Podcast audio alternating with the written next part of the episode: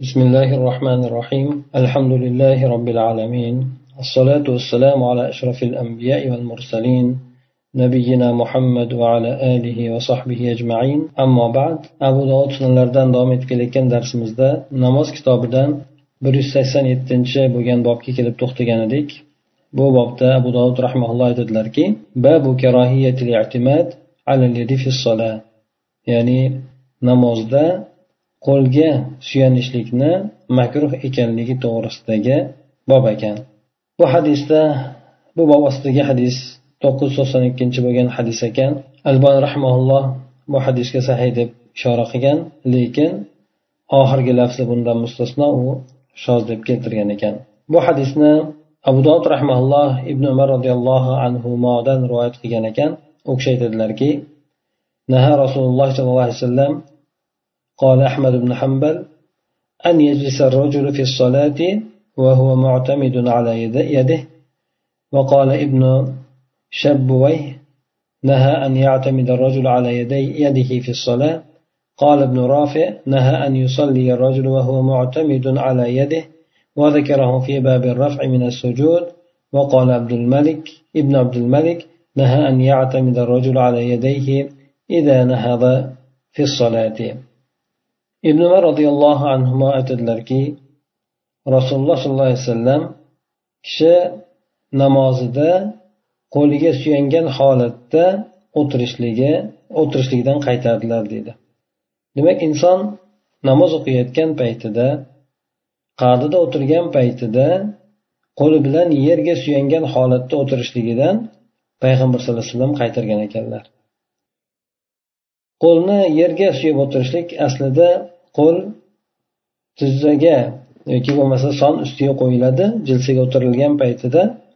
Hamda o'sha qo'liga o'sha nimasini sonni ustiga qo'ygandan keyin qo'liga suyanib o'tirishligi bor bu narsa. Lekin bu yerda hadisda qaytarilayotganini allohu alam olimlar aytadiki yerga suyangan yerda o'tirgan payt qadida o'tirgan paytida qo'li bilan yerga suyangan holatda o'tirishligidan payg'ambar alayhissalom qaytardilar deydi. Buni mana quyidagi kelayotgan e, o'sha rivoyatni boshqa bir olimlar tomonidan talqin qilinishligida mana ibn rofiy aytadiki payg'ambar sallallohu alayhi vasallam bir odam qo'liga suyangan holatda namoz o'qishligidan qaytardilar deb bu hadisni keltirdilarda lekin buni sajdadan turayotgan odamni o'sha bobi to'g'risida zikr qilgan ekan. Bularni tavil qilishicha sajdaga turib ketayotgan paytida yerga suyangan holatda turishligidan qaytardi degan ma'noda aytishgan ekan. E, bu ma'no inson agar ehtiyoji bo'ladigan bo'lsa e, hech qanaqangi rohiyati bo'lmaydi. Chunki payg'ambar sallallohu alayhi vasallamdan boshqa rivoyatlarda ham kelgan deydi. Namozda qadidan turayotgan paytida yerga suyangan holatda turganligi rivoyat qilingan ekan. Inson agar ehtiyoji bo'ladigan bo'lsa albatta bu narsani karohiyati yo'q. Lekin o'zi aslida qa'dadan turishlik surati inson birinchi qo'llarini ko'taradi hamda tizzalariga suyangan holatda ikkala tizzasini keyin ko'taradi. Shunday qilib nimaga qiyomga turadi inson. Agar o'sha yerda yerga suyanib turishligi bo'ladigan bo'lsa payg'ambar sallallohu alayhi vasallam bu narsani joizligiga dalolat qiladigan amalni qilganlar deydi. Ya'ni bir, bir, bir necha marta payg'ambar alayhisalom shu narsani qilganligi rivoyat qilingan ekan. Buni olimlar shu narsani joizligiga e, dalolat qiladi deb aytishadi. Hadisda demak qaytarilayotgan narsa bu qadida o'tirgan paytida qo'lini yerga suyagan holatda o'tirishligidan qaytarilganligi ekan. Mana bu yerda abdulmalik ibn abdulmalikni rivoyatida ham ayni o'sha narsani kelyapti. Namozdan namozda turayotgan paytda ya'ni qiyomga ketayotgan paytida ikkala qo'liga suyanishligidan qaytardi deb keltiryapti. Shuning uchun alboniy rahmaulloh bu bo'limlarini shoz deb keltirgan ekan. Ya'ni asli aksari roviylar yuqoridagi namozni ichida kishi qo'liga suyangan holatda o'tirishligidan qaytardi deb rivoyat qilishgan ekan. Undan keyingi bo'lgan to'qqiz yuz to'qson uchinchi bo'lgan hadisda keltiradiki buni ismoil ibn umayyadan rivoyat qilinar ekan. u kishi aytadiki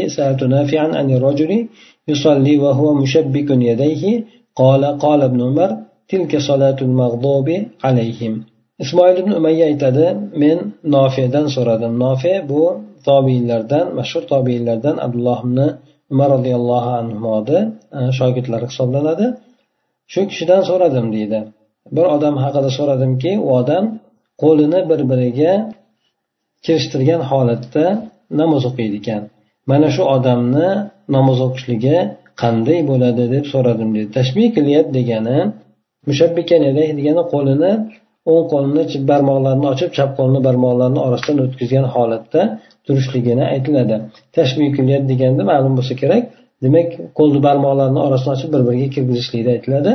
Ana o'shanday bo'lgan holatda namoz o'qiyotgan odamni namozi haqida so'radim deganda e, ibn umar aytdi deb aytgan ekan nofi e, tilka solatul mag'dubi alayhim bu e, g'azablangan odamlarni o'qiydigan namozi degan ekan. Ya'ni yahudlarni e, namozi deb aytgan ekan. Ya'ni yahudlar namozda mana shunday turishligini bu kishi aytib o'tgan ekan. Demak bu narsa namozda bunday turib o'qishlikdan qaytarilganligini ifoda qiladi.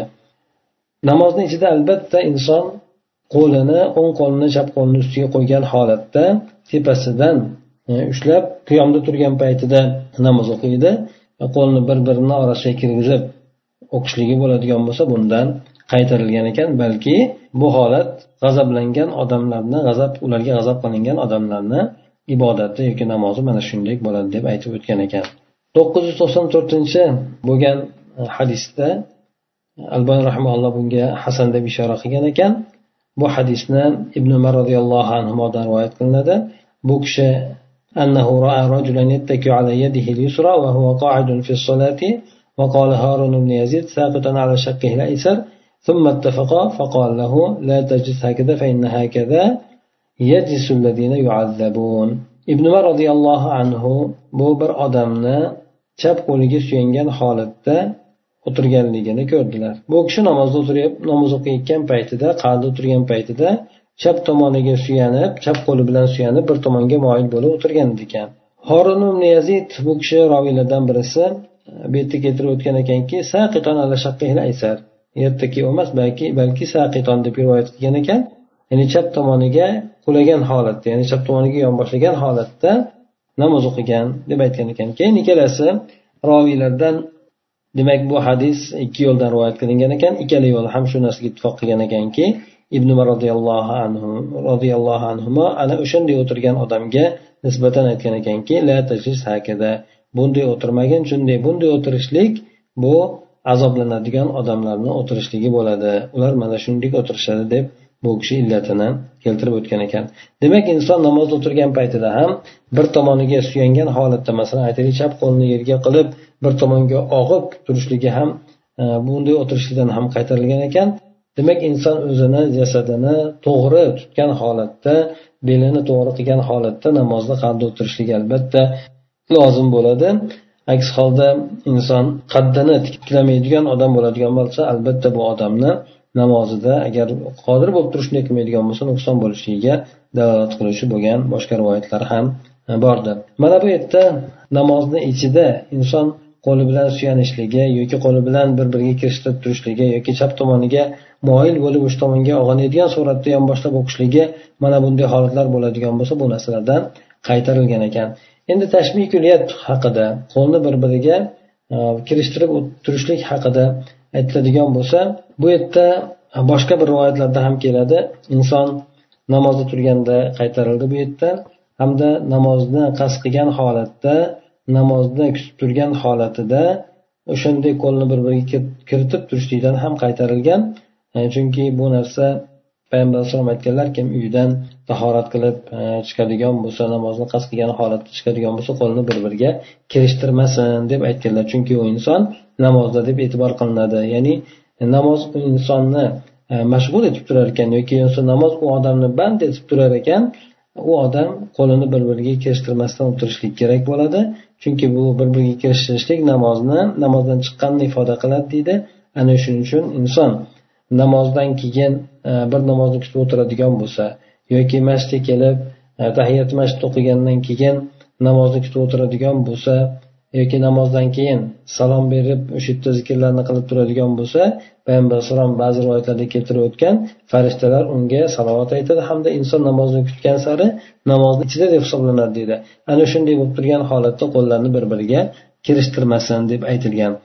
Shuning uchun inson namozni kutib turgan paytida namozdan keyin zikrda o'tirgan paytida qo'lni bir biriga kirishtirmasligi yaxshiroq bo'ladi. Chunki insonni o'sha namozdan chiqmasdan farishtalar unga salovat aytib turganligiga sabab bo'ladi. Boshqa o'rinlarda bo'ladigan bo'lsa hatto mana namozdan keyin o'tirib keyingi namozni kutmaydigan bo'lsa yoki bo'lmasa boshqa masjiddan tashqarilarda bo'ladigan bo'lsa bunda qo'lni bir biriga kirishtirib turishligini zarari yo'q deb aytishadi. Undan keyin bir yuz sakson sakkizinchi bo'lgan bob bu bobda abu dovud rahmaulloh aytadilarki babun fi ya'ni qadida o'tirishlikni yengillatishlik to'g'risida kelgan bob ekan. Qadida o'tirishlik albatta ikkita attahiyat o'qiladigan shom namozi bo'lsin yoki xufton namozi bo'lsin inson ya'ni ikkinchi rakatda bir o'tirishligi bor undan keyin uchinchi yoki to'rtinchi rakatlarda qadida o'tirishligi bor. Ana o'shanday bo'lgan namozlarda ikkinchi rakatda ya'ni birinchi qadida o'tirgan paytida yengilroq o'tirishligi ya'ni o'sha yerda tezroq turib ketishligiga targ'ib qiluvchi bo'lgan hadis ekan. Bu hadis to'qqiz yuz to'qson beshinchi bo'lgan hadis. Albani rahmaulloh bu hadisni zaif deb ishora qilgan lekin olimlar aytadiki bu hadisda kelgan hadisni o'zi sobit bo'lishligi zaif bo'lsada lekin uni ma'nosi sahih deb aytishadi sahih bo'lganligi to'g'ri bo'lganligi bu hadisga asoslanib emas balki boshqa rivoyatlarga asoslangan holatda aytiladi deb aytishadi. Bu hadisni abu ubayda hamda u otasidan rivoyat qilgan ekan. Payg'ambar sallallohu alayhi vasallamdan rivoyat qilingan. Aytadiki kana fi rakatayn al-ulayn kanahu ala radfi buni mishkatda ham keltirib o'tilgan ekan. Payg'ambar sallallohu alayhi vasallam avvalgi ikkita rakatda ikkinchi rakatda go'yoki rodif degani bu issiq qizib turgan toshni aytilar ekan. O'sha qizib turgan toshni ustida o'tirgandek bo'lardilar. Ya'ni qo'lni hatto biz aytardikki ana endi turib ketadi ana endi turib ketadi deb aytardik deydi. Ya'ni ikkinchi rakatga o'tirgan ikkinchi rakatdan keyin o'tirgan paytida tahiyatini o'zini o'qiganligiga bu narsa ishora qiladi deb aytishadi. Ya'ni bu narsa attahiyatga boshqa narsalarni ziyoda qilmasdan hamda o'sha qadrida uzoq o'tirmasdan iloji boricha attahiyatini tugatib turib ketganligi mana shunga dalolat qiluvchi bo'lgan rivoyatdir. Albatta buni attahiyatni o'qiganda o'zini me'yorida o'qish kerak. Bu narsa uni tez o'qishligiga dalolat qilmaydi balki attahiyatini o'zini maromiga yetkazib o'qigandan keyin boshqa narsalarni qo'shmasdan turib ketishligiga dalolat qiladi deb aytishadi. Bir yuz sakson to'qqizinchi bo'lgan bob. bu e, bobda abu dovud rahmaulloh aytadilarki babu salami ya'ni namozdan chiqib ketishlikda salom berishlik to'g'risida kelgan hadislar e, to'plami ekan to'qqiz yuz to'qson oltinchi bo'lgan hadis bu hadisni rivoyat qilib aytadiki abdulloh masud roziyallohu anhudan أن النبي صلى الله عليه وسلم كان يسلم عن يمينه وعن شماله حتى يرى بياض خده السلام عليكم ورحمة الله السلام عليكم ورحمة الله imom muslim bu hadisni ixtisor muxtasar suratda rivoyat qilgan ekan. Bu hadis bir necha yo'llar orqali rivoyat qilingan ekan. Hammasi abdulloh masud roziyallohu anhudan rivoyat qilinar ekan. Bu kishi aytadilarki payg'ambar sallallohu alayhi vasallam o'ng tomoniga va chap tomoniga salom berardilar hattoki u kishini yonoqlarini oqligi chakkalarini oqligi ko'rinardi. Bu kishi assalomu alaykum va rahmatulloh assalomu alaykum va rahmatulloh deb salom berardi deydi. Bu hadisimizda bir necha fiqhiy masalalar bor ekan. Birinchi avvalo e, namozdan chiqib ketishlikda salom berishlikni hukmi. Bu sunnatmi vojibmi? Bu narsada olimlarni ixtilofi bor ekan. Ba'zi olimlar sunnat deb aytishgan ekan. Mana hanafiy mazhabida ham shunday deb aytiladi. Yana bir toifa olimlar esa buni vojib deb aytishgan ekan.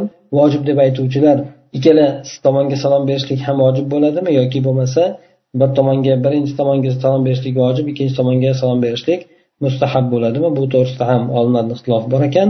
Ko'pchilik olimlar bir tomonga salom berishlik o'zi vojib bo'ladi ikkinchi tomonga salom berishlik sunnat bo'ladi deb aytishgan ekan. Demak inson birinchi bo'lib o'ng tomoniga salom beradi keyin esa namozdan chiqishlikda chap tomoniga salom beradi. Salom berishlikda o'ng tomon hamda chap tomonga qarashlikda mubolag'a qilgan holatida abdulloh masud roziyallohu anhu keltirib aytyaptilarki payg'ambar alayhisalom salom berganda chekkalarini oqligi ko'rinardi. Ya'ni payg'ambar alayhissalom yaxshigina ya'ni chap tomonga ham o'ng tomonga ham to'liq suratda burilib keyin salom berardi. Ya'ni boshini to'liq suratda u tomonga burib o'ng tomonga bo'lsin undan keyin chap tomonga bo'lsin o'shalar ikkalasida ham yaxshilab burgan holatda salom berishligini aytib o'tilyapti. Bu yerda salom berishlikni lafzi assalomu alaykum va rahmatulloh deb keltirilishligi mana bu ikkala tomonga ham o'ng tomonga ham chap tomonga ham salom berishlik surati demak assalomu alaykum va rahmatullohi e, va rahmatulloh deb aytilar ekan lekin e, keyingi mana to'qqiz yuz to'qson yettinchi bo'lgan hadisda alqamat ibn voil u kishi otasidan rivoyat qiladiki aytadi صليت مع النبي صلى الله عليه وسلم فكان يسلم عن يمينه السلام عليكم ورحمة الله وبركاته وعن شماله السلام عليكم va rahmatulloh. Bu hadis sahih hadis ekan. Bu kishi aytadilar men payg'ambar sallallohu alayhi vasallam bilan birgalikda namoz o'qidim. U kishi o'ng tomoniga assalomu alaykum va rahmatullohi va barakatuh deb salom berardi. Ya'ni va barakatuh so'zini ziyoda qilgan holatida qo'shib aytib salom berardi. Chap tomoniga esa assalomu alaykum va rahmatulloh deb salom berardi deydi. Mana bu yerdagi hadisda va barakatuh so'zi E, ziyoda ekan. Buni payg'ambar sallallohu alayhi vasallamdan sahih suratda bu rivoyat kelgan. Lekin payg'ambar alayhissalom e, aksar holatlarda salom berishligi yuqorida aytib o'tilgandek assalomu alaykum va rahmatulloh deb aytilishligi ba'zan va barakatuhni qo'shganligi ham keladi. Bu narsa joiz ekanligiga dalolat qiladi. Lekin payg'ambar alayhisalomni odatiy salom berishligi assalomu alaykum va rahmatullohga chegaralanishlik bo'lgan ekan.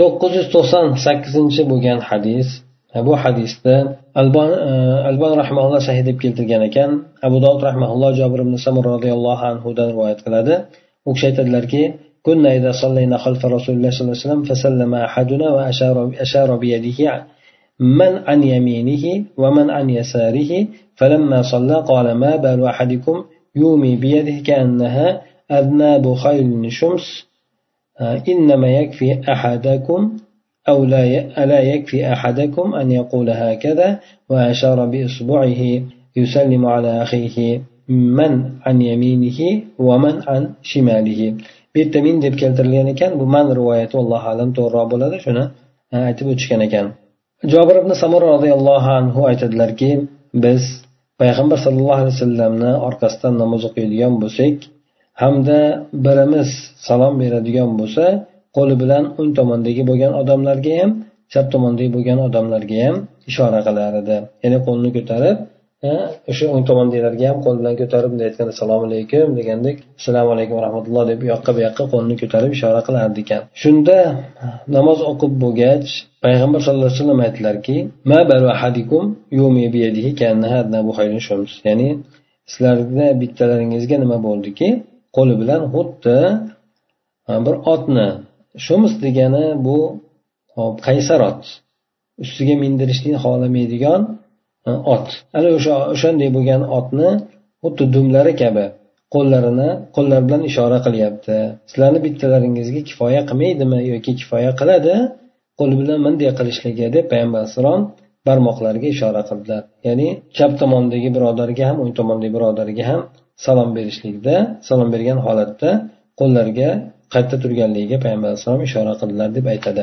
Demak bu hadisda sahobiyni rivoyat qilishicha bular payg'ambar alayhissalomni orqasidan namoz o'qigandan keyin avvalda salom bergan paytda o'zlari odatdagi bo'lgan salom berishlikqa salom berishar ekan. Ya'ni qo'llarini ko'tarib bir birlariga salom berishar ekan namozda. Bu avvalda bo'lganligi uchun payg'ambar alayhisalom ularga bu narsadan qaytarib keyin ta'lim berib aytdilarki sizlarni ha nima bo'ldi bittalaringizga? Qo'llarni mana bunday qilib ishora qiladiya xuddi o'sha e, sarkash bo'lgan otlarni dumlari ko'tarilgani kabi u otni dumini ko'tarib olar ekan o'shani ko'targani ko'tarilgani kabi qo'llaringizni ko'tarib olasizlar ekan a sizlarga bittanglarga bunday qilsa bo'lmaydimi? deb qo'lini o'sha payg'ambar alayhisalom boshqa rivoyatlarga e, qaraganda qo'lini sonni ustiga qo'ygan holatida o'ng tomonidagilarga ham chap tomondagilarga ham salom berishligi o'zi yetarli bo'lmaydimi? deb aytganligini aytiladi. Mana bu hadisda demak inson e, namozni ichida turgan paytida payg'ambar alayhissalomdan qanday suratda namoz o'qiganligi e, namozni ichidagi bo'lgan zikrlar bo'lsin xatti harakatlar bo'lsin qanday holatda kelganligiga rioya qilingan holatda o'shanga o'rganilgan holatda payg'ambar alayhisalom qilganidek qilinar ekan. Yuqorida bizda o'tgan hadislarimizda inson salom berishligidan oldin qo'llari o'sha sonni ustiga qo'ygan holatda salom berishligi o'tgan edi ana o'shanga ko'ra inson o'ng tomonga ham chap tomonga salom berayotgan paytda hech qanaqangi qo'lni ko'tarmaydida balki qo'lini o'sha sonni ustida qilgan holatida hech qanday bir ishora ham qilmasdan o'ng tomondagilarga birinchi chap tomondagilarga esa undan keyin salom berar ekan. To'qqiz yuz to'qson to'qqizinchi bo'lgan hadisda keltirib o'tyaptiki bu hadis yuqorida bo'lgan hadisimizni boshqa rivoyat orqali kelyapti. payg'ambar alayhisalom aytgan ekanlarki أن يضع يده على فخذه ثم يسلم على أخيه عن يمينه من عن يمينه من عن شماله sizlarni bittalaringizga yoki ularni bittalariga qo'lini sonni ustiga qo'yib olishligi yetmaydimi so'ng birodariga o'ng tomondagi bo'lgan birodarlariga hamda chap tomondagi bo'lgan birodarlarga salom beravermaydimi deb payg'ambar sallallohu alayhi vasallam aytgan ekan demak mana bu hadisimiz yuqoridagi bo'lgan hadisdagi tushuniladigan umumiy bo'lgan suratni mujmal yoki noaniq bo'lgan suratni bu aniqlashtirib kelyapti. Demak inson qo'li bilan ishora qilishligi bu sonni ustiga qo'lni qo'yishligini ifoda qilar ekan. O'ng tomoniga birinchi bo'lib salom berar ekan unda keyin esa chap tomoniga salom berar ekan. Minginchi bo'lgan hadis? Bu hadisni jobir ibn samar roziyallohu anhudan rivoyat qilinadi. u kishi aytadilarki rasululloh sallallohu alayhi vasallam أراه قال في الصلاة قال ما لي أراكم رافع أيديكم كأنها أذناب خيل شمس اسكنوا في الصلاة ya'ni yuqoridagi bo'lgan hadisni bu boshqa rivoyat yo'li orqali kelar ekan bu ham bu hadis ham jobir ibn samur roziyallohu anhudan rivoyat qilinadi u kishi aytadilarki rasululloh sollallohu alayhi vasallam bizni oldimizga kirib keldilar Odamlar esa qo'llarini ko'tarib olgan edi. Ya'ni namozni ichida ko'tarib olgan namozni ichida degani namozni salom bergandan keyin o'sha e, yuqorida aytib o'tilganidek e, qo'llarini bir ishora qilishar edi deb keltirib o'tiladi. Shunda payg'ambar alayhisalom aytdilarki men sizlarni nima bo'ldiki menga qo'llaringizni ko'targan holatlaringizni ko'ryapman. Xuddi bu o'sha sarkash bo'lgan otlarni dumlari ko'tarilgani kabi qo'llaringizni ko'tarib olibsizlar namozda sukunatda bo'linglar jim bo'linglar jim turinglar deb payg'ambar alayhissalom aytdilar. Mana bu yerda payg'ambar alayhissalom qaytargan narsa bular namozni tugatishlikda yuqorida aytib o'tilgandek salom berayotgan paytida inson qo'lini ko'targan holatda salom berishligidan qaytarilgan. Bu bundan esa aslo o'sha takbir takbirati tahrimda qo'l ko'tarishligi yoki bo'lmasa rukuga ketishda rukudan qaytishda boshqa o'rinlarda qo'lni ko'tarishligidan bu narsa man qilmaydi chunki u narsa boshqa hadislar orqali o'z isbotini topgandir. Bu hadisda qo'llarni payg'ambar alayhisalom qaytarganligi hamda jim bo'lishga buyurganligi bu qo'llarini o'sha namozdan keyin namozga salom bergandan keyin qo'llarini ko'tarishliklari mana shu narsadan qaytarildi. Bir yuz to'qsoninchi bo'lgan bobda abu dovud rahmaulloh aytadilarki imom imomga qaytarishlik to'g'risida kelgan bob ekan. Ya'ni imom assalomu alaykum va rahmatulloh degan paytida imomga javob qaytariladi. Javob qaytarganda ham ayni o'sha narsani o'zini qaytariladi. Imom assalomu alaykum va rahmatulloh deb qaraydigan bo'lsa o'ng tomondagi qaraydigan bo'lsa o'ng tomondagi bo'lgan turgan odamlar assalomu alaykum va rahmatulloh deb imomga ayni o'sha salomni o'zi bilan javob qaytarishadi. Bu hadis samura ibn jundub roziyallohu anhudan rivoyat qilingan ekan. U kishi aytadilarki أمرنا النبي صلى الله عليه وسلم أن نرد على الإيمان وأن نتحاب وأن يسلم بعضنا على بعض payg'ambar sallallohu alayhi vasallam bizlarni imomga javob qaytarishlikka buyurdilar ya'ni imom salom beradigan bo'lsa unga o'sha salom bilan javob qaytarishlikka buyurdilar va yana bir birimizga nisbatan umumiy suratda muhabbatli bo'lishligimizga bir birlarimizga salom berishligimizga payg'ambar alayhisalom buyurdilar deydi mana bu hadisda imomga rad qilishlik imomga javob qilishlik to'g'risida aytiladigan bo'lsa aytib o'tdik. Imom assalomu alaykum va rahmatulloh degan paytida inson o'sha o'ng tomonda turgan odamlar imomga endi salom berayotgan paytda chap tomonga qarab salom berayotgan paytida imomga ham o'sha salomiga halik olib javob qilayotganligini qalblarida niyat qilishliklari kifoya qiladi deb aytadi aytiladi. Lekin so'zni aynan o'zini keltirgan holatda bo'ladi. Imom assalomu alaykum va rahmatulloh desa imomni o'ng tomonida turgan odamlar ham imomga qarab salom berayotgan paytida salomiga alik olayotgan paytida assalomu alaykum va rahmatulloh deb alik oladi. Chap tomonda turganlar ham imomga o'sha imom chap tomonga turib salom bergich qarab salom bergan paytida imomga ham o'sha alik olishlikni e, niyat qilgan holatida salomga javob berishligini aytishlikka payg'ambar alayhisalom buyurdi deb keltirib o'tiladi. Imomdan oldin salom berishlik mumkin emas. Imom salom berib bo'lgandan keyin salom beriladi. Ya'ni imom bilan ya'ni imomga ergashiladi. Imom bilan kim o'zarga o'ynalmaydi. Lekin inson imomdan oldin salom beradigan bo'lsa e, huzayfa ibn yamon roziyallohu anhudan rivoyat qilingan ekan bu kishi bir odam mana shunday qilgan paytida qayta namozni o'qishlikka buyurgan ekan. Shuning uchun imom salom berib bo'lgandan keyin salom beriladi. Imomdan oldin salom berishlik mumkin emasdir. Bir birimizga nisbatan muhabbatli bo'lishligimiz umumiy suratda. Namozda ham namozdan tashqarida ham umuman suratda bir birimizga muhabbatli bo'lishligimiz musulmonlar bir biriga salom berib yurishligi mana shu narsalarga payg'ambar sallallohu alayhi vasallam bizlarni buyurdi deb aytib o'tadi. Bir yuz to'qson birinchi bo'lgan e, bobda babu takbiri ba'da solati namozdan keyin takbir aytishlik yoki zikr qilishlik to'g'risida kelgan hadislar ekan. Bir ming ikkinchi bo'lgan hadis bu hadisni ibn abbos roziyallohu anhudan rivoyat qilinar ekan. Bu kishi aytadilarki buni imom buxoriy va imom muslim ham rivoyat qilgan ekan. Payg'ambar sallallohu alayhi vasallamni namozlarini tugaganligi takbir aytishlik bilan zikr qilinishlik bilan bilinardi deb keltirib o'tadi. Ya'ni namozni o'qib bo'lgandan keyin albatta bu u paytlarda mikrofon bo'lmagan tashqarilarga odamlarga salom berganligi yetib borgan u yerga yetib bormagan nima bo'lgan taqdirda ham salomdan keyingi takbir aytishlik zikr aytishlik yoki o'sha namozdan keyingi bo'lgan zikrlarni qilishlik bilan payg'ambar alayhisalom namozini tugaganligi ma'lum bo'lardi. Qolganlar ha namoz tugagan ekan deb anglashardi deb aytadi. Bir ming uchinchi bo'lgan hadis ham ibn abbos roziyallohu anhudan rivoyat qilinadi. bunda aytadiki أن رفع الصوت للذكر حين ينصرف الناس من المكتوبة كان ذلك على عهد رسول الله وأن ابن عباس قال كنت أعلم إذا انصرفوا بذلك وأسمعه abdulloh ibn abbos roziyallohu anhu anhuma aytadilarki zikr uchun ovozni ko'tarishlik ya'ni odamlar farz namozdan burilgan paytida zikr uchun ovozni ko'tarishlik bu payg'ambar alayhisalom davrlarida bo'lgan edi yana u kishi aytadilarki men odamlar namozdan bo'shab ketganligini namoz tugatib ketganligini o'sha narsa bilan bilardim va o'shani eshitardim takbir aytganligini eshitardim o'sha bilan ha odamlar namozini tugatishibdi deb anglab yetardim deydi. Bu yerda inson e, salom berib bo'lgandan keyin albatta e, boshqa rivoyatda keladi. Takbir emas balki zikr deb keladi. Takbirdan ko'ra zikr umumiy suratda bo'ladi. Ya'ni e, inson namozni o'qib bo'lgandan keyin takbir aytishligi yoki bo'lmasa aytaylik umumiy suratda oladigan bo'lsa zikr qilishligi. Bu zikrlarni birinchisi e, astag'firulloh astag'firulloh astag'firulloh allohumma anta salam va minka salam ya jalal val ikrom deb namozda salom bergandan keyin aytadigan zikr mana shu ham o'sha namozni tugaganligini anglatadi.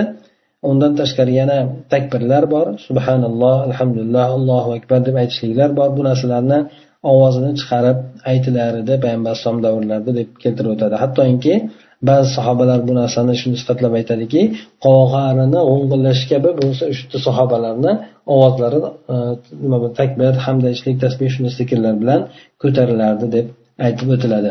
Ana shunga ko'ra inson namozdan keyin zikrni balandroq ovoz bilan qilishligi ham mumkin bo'ladi. Hamda zikrni boshqa mana oyatda ham keladi.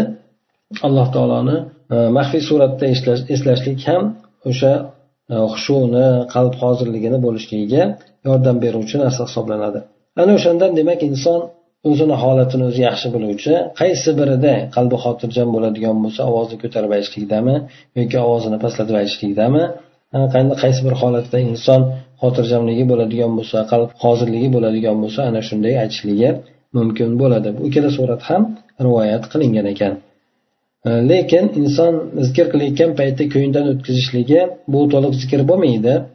Bu ham aytaylik namozdan tashqarida bo'ladigan bo'lsa e'tibor qilinaveradi inson hayol bilan o'tkazadigan bo'lsa lekin namoz ichida bo'ladigan o'rinlarda inson qiroat qilishligi bo'lsin zikrlari bo'lsin hayoldan o'tkazishligini o'zi yetarli bo'lmaydi.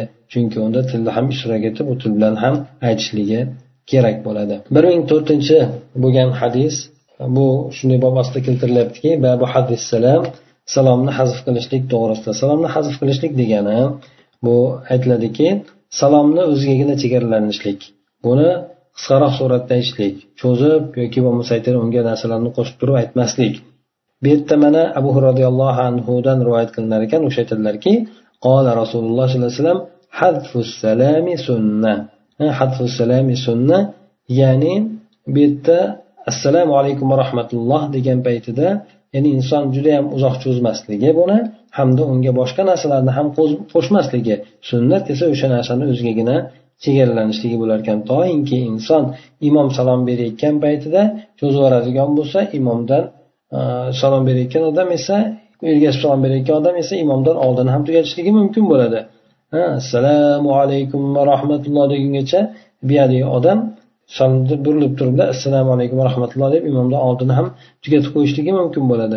Shuning uchun bu yerda imomga iqtido qilgan holatda imomga ergashib aytiladi. Imom bilan birga ham emas imomdan oldin ham emas. Shuning uchun shu narsaga sabab qilib aytilgan salomni qisqa qilishlik sunnat deb turib. Bu ham zaif deb aytiladi lekin buni ham ma'nosi to'g'ri deb olimlar aytishgan. Rivoyat jihatdan doif bo'lgan taqdirda ham ma'no jihatdan sahiy durust deb aytishadi. bir yuz to'qson uchinchi bo'lgan e, bobda babu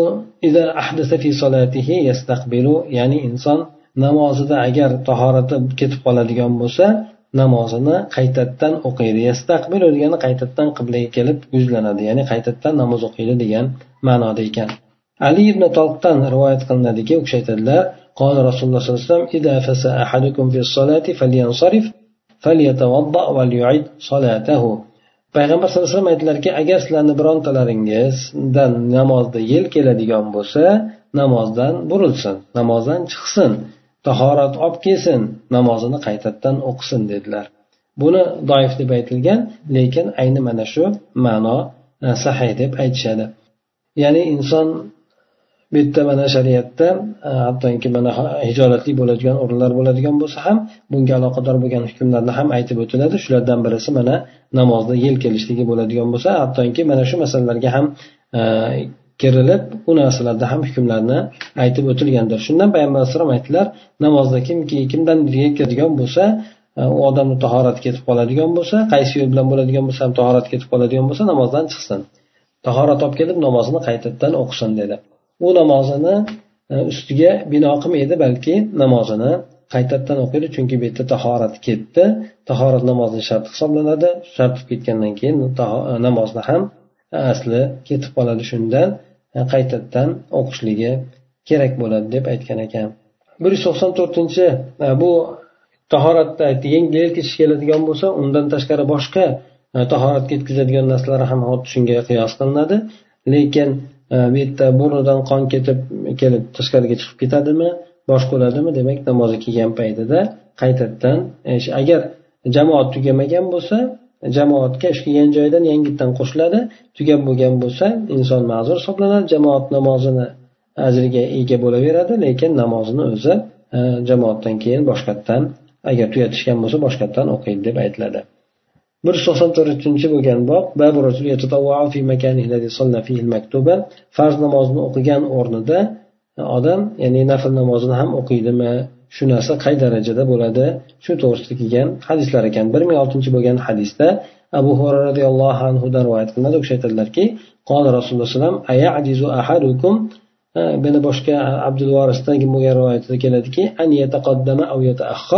أو عن يمينه أو عن شماله يعني زاد في حديث عماد في الصلاة يعني في الصبحة في الصبحة degani nafl namoz degani payg'ambar sallallohu alayhi vasallam aytdilarki sizlarni birlaringiz ojiz bo'ladimi oldinga o'tadigan bo'lsa yoki biroz orqaga o'tadigan bo'lsa ya'ni farz namozni o'qigan joyidan yoki o'ng tomonigami chap tomonigami shu namozni nafl namoz o'qiyotgan paytda o'sha yerga o'tib o'qishligidan birontalaringiz ojiz bo'ladimi deb payg'ambar alayhisalom aytdilar ya'ni inson farz namozini o'qiydigan bo'lsa bir joyda o'sha turgan joyidan joyini sal jildirib o'qishligi.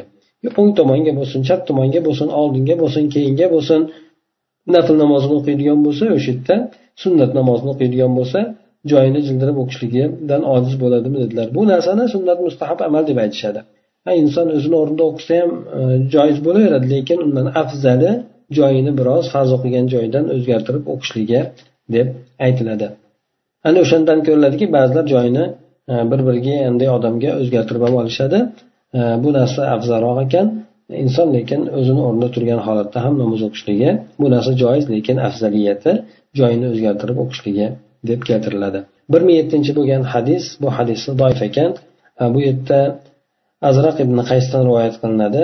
U kishi aytadilarki yukna فقال صليت هذه الصلاة أو مثل هذه الصلاة مع النبي صلى الله عليه وسلم hop biz bilan birga bir imom namoz o'qidi buni aborimsa deb aytilardi laqabi aborimsa edi u kishi aytdiki keyin men mana shu namozni yoki shunga o'xshagan namozni payg'ambar alayhisalom bilan birga o'qigan edim shu yerda abu bakr bilan umar ham payg'ambar alayhissalomni payg'ambar alayhisalom o'ng tomonda birinchi safda ikkalasi turar edi.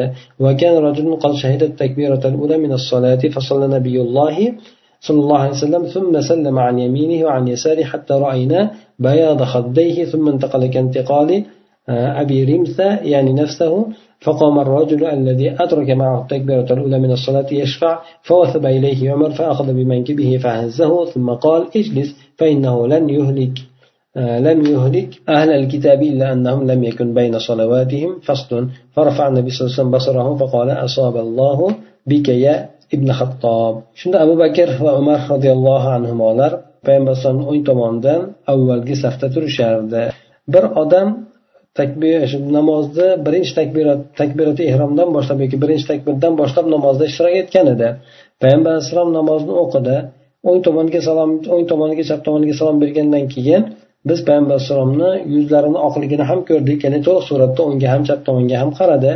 Shunda abu rimsali ko'chib o'tishligi kabi ko'chib o'tdi payg'ambar alayhisalom. Ya'ni o'zini aytyapti. Ya'ni payg'ambar alayhissalom e, shu namozini e, salom beradigan bo'lsa ko'pincha nimaga qarab turib qavmga qarab turib payg'ambar alayhissalom nima qilib olar edi burilib olar edi e, shunda bir odam birinchi takbir namozda birinchi takbiraga yetgan odam e, o'rnidan turdida o'sha namozga qo'shib ketdi deydi. Ya'ni payg'ambar alayhisalom salom berib bo'lgandan keyin bir odam turib davom ettirib ketib qoldi. Shunda umar roziyallohu anhu unga turib yelkasidan tutdida uni silkitdi. So'ng aytdiki o'tir dedi. Chunki ahli kitoblarni bular namozlarni o'rtasidagi e, ayriqlik ayriqlik bo'lmaganligi bo'linishlik bo'lmaganligi bularni halok qilgan deb aytdi. Shunda payg'ambar alayhissalom ko'zini umarga qarab tikdida aytdiki alloh taolo siz bilan ey umar ey umar ibn hattob siz bilan alloh taolo to'g'rilikka yetkazibdi. Ya'ni sizni to'g'rilikka muyassar qilibdi alloh taolo deb aytib qo'ydi deydi. Bu hadis doif keladi. Rivoyat albani rahimaulloh ham doif deb aytib o'tgan. Bu bilan hukm sobit bo'lmaydi. Lekin yuqoridagi bo'lgan hadisimiz o'zi kifoya qiladi inson agar nafl namozni o'qiydigan bo'lsa farz namozdan keyin biroz e, turgan joyini o'zgartirib o'qishligi biroz o'ngga bo'lsin chapga bo'lsin oldiga bo'lsin orqaga bo'lsin o'zgartirib o'qishligi shu narsa afzalroq bo'lar ekan. Yana bu hadisda gap zaif bo'ladigan bo'lsa ham e, ba'zi hukmlar yoki ba'zi bir foydalar borki bulardan birinchisi e, imomni orqa tomonida ulul fazl bo'lgan odamlar turishligi. Ya'ni bir rivoyatlarda ham keladi imomni orqa tomonida o'sha imomlikka yaraydigan yoki bir fazilatli bo'lgan odamlarni turishligi bu yerda mana abu bakr bilan umar payg'ambar alayhissalomni o'ng tomonida turganligi birinchi safda. Birinchi safda farishtalar unga salovat aytadi deb keladi. Birinchi safni fazilati bor. Yana birinchi safni ham o'ng tomonini ortiqroq darajada fazilati bor. Ya'ni birinchi safni fazilati bor keyin safni o'ng tomonlarini fazilati bor. Demak agar birinchi safni o'ng tomoni bo'ladigan bo'lsa u ikki barobar fazilatli bo'ladi. Ham birinchi saf bo'lganligidan ham birinchi safni o'ng tomoni bo'lganligidan ana o'sha yerda bu abu bakr bilan umarni ikkalasi ham o'sha yerda turadi deb aytib o'tadi. Undan keyin demak inson yuqorida aytib o'tilgani kabi bu yerda u odam namozdan turgan paytida salom bermasdan turdimi yoki salom berib turib joyini o'zgartirmasdan turdimi yoki bo'lmasa namozdan keyin ba'zi rivoyatlarda keladi farzni salom bergandan keyin inson zikr qilishligi yoki gapirishligi ana o'shanida qilib turib keyingi namozga o'tishligiga ta'kidlanadi. Bu yerda bu odam bu narsalarni qilmadi. Ehtimol bu odamni ko'proq bo'ladigan narsa salom bermasdan keyingi namozni qo'shib yuborgan bo'lishligi ham ehtimoldan xoli emas yoki bo'lmasa joyini o'zgartirmasdan e, o'sha joyda turgan holatda namoz o'qiganligi ham ehtimoli yo'q emas. Yana undan tashqari namozni namoz salom bergandan keyin bu odam hech narsa harakat qilmasdan yoki bo'lmasa e, gapirmasdan e, keyingi namozni boshlab ketishligi buni ham karohiyatini aytib o'tilgan. Boshqa rivoyatlarda ana o'sha narsalarni birontasini qilmaganligidan umar roziyallohu anhu uni silkitib o'tir deb aytgan deydi. Bulardan ko'ra eng e, qattiqroq bo'lgan holati e, bu odam payg'ambar alayhisalom salom bergandan keyin salom bermasdan bir yo'l yana turib keyingi namozni ham qo'shishga harakat qilib ketganligi shu narsa umarni shunday qilishiga ko'proq sabab bo'lgan deb aytishadi. Vallohu alam. Aytib o'tganimizdek bu hadis doif kelgan lekin buni ba'zi bir ichidagi bo'lgan foydalarni aytib o'tdik. Bundan aslida hukm olinmaydi. Hukm esa yuqoridagi bo'lgan sahiy bo'lgan hadisdan olinadiki bu inson namozda farzdan keyin nafl namozni o'qiyotgan paytda afzal bo'lgan surati shu joyidan ozgina siljib o'qishligi ya'ni biroz o'ngga bo'lsin chapga bo'lsin yoki ja bo'lmasa aytilgandek odam bilan joylarni o'zgartirib bo'lsin. Buni ham hikmati bor. Ya'ni inson avvalo bu payg'ambar alayhissalomdan rivoyat qilingan u kishidan ta'kidlab o'tilgan fazilati bayon qilingan amal qolaversa inson farzini o'qigandan keyin demak alohida bir sunnatda alohida bir niyat bilan alohida bir e, ishtiyoq bilan o'qishligi mana shunga ham bu narsa e, dalolat qiladi. Undan keyin e, namozni tashqarisida ko'rgan odamlar ham o'sha inson masalan imomni oldiga bir odam chiqib o'qishligi yoki imom ham joyini o'zgartirib o'qishligi bu narsalardan bilinadiki namoz tugagan ekan bular farz namozdan keyin naflga o'tibdikan degan xulosaga ham keladi vallohu alam سبحانك اللهم وبحمدك نشهد أن لا إله إلا أنت نستغفرك ونتوب إليك اللهم انفعنا بما علمتنا وعلمنا ما ينفعنا وزدنا علما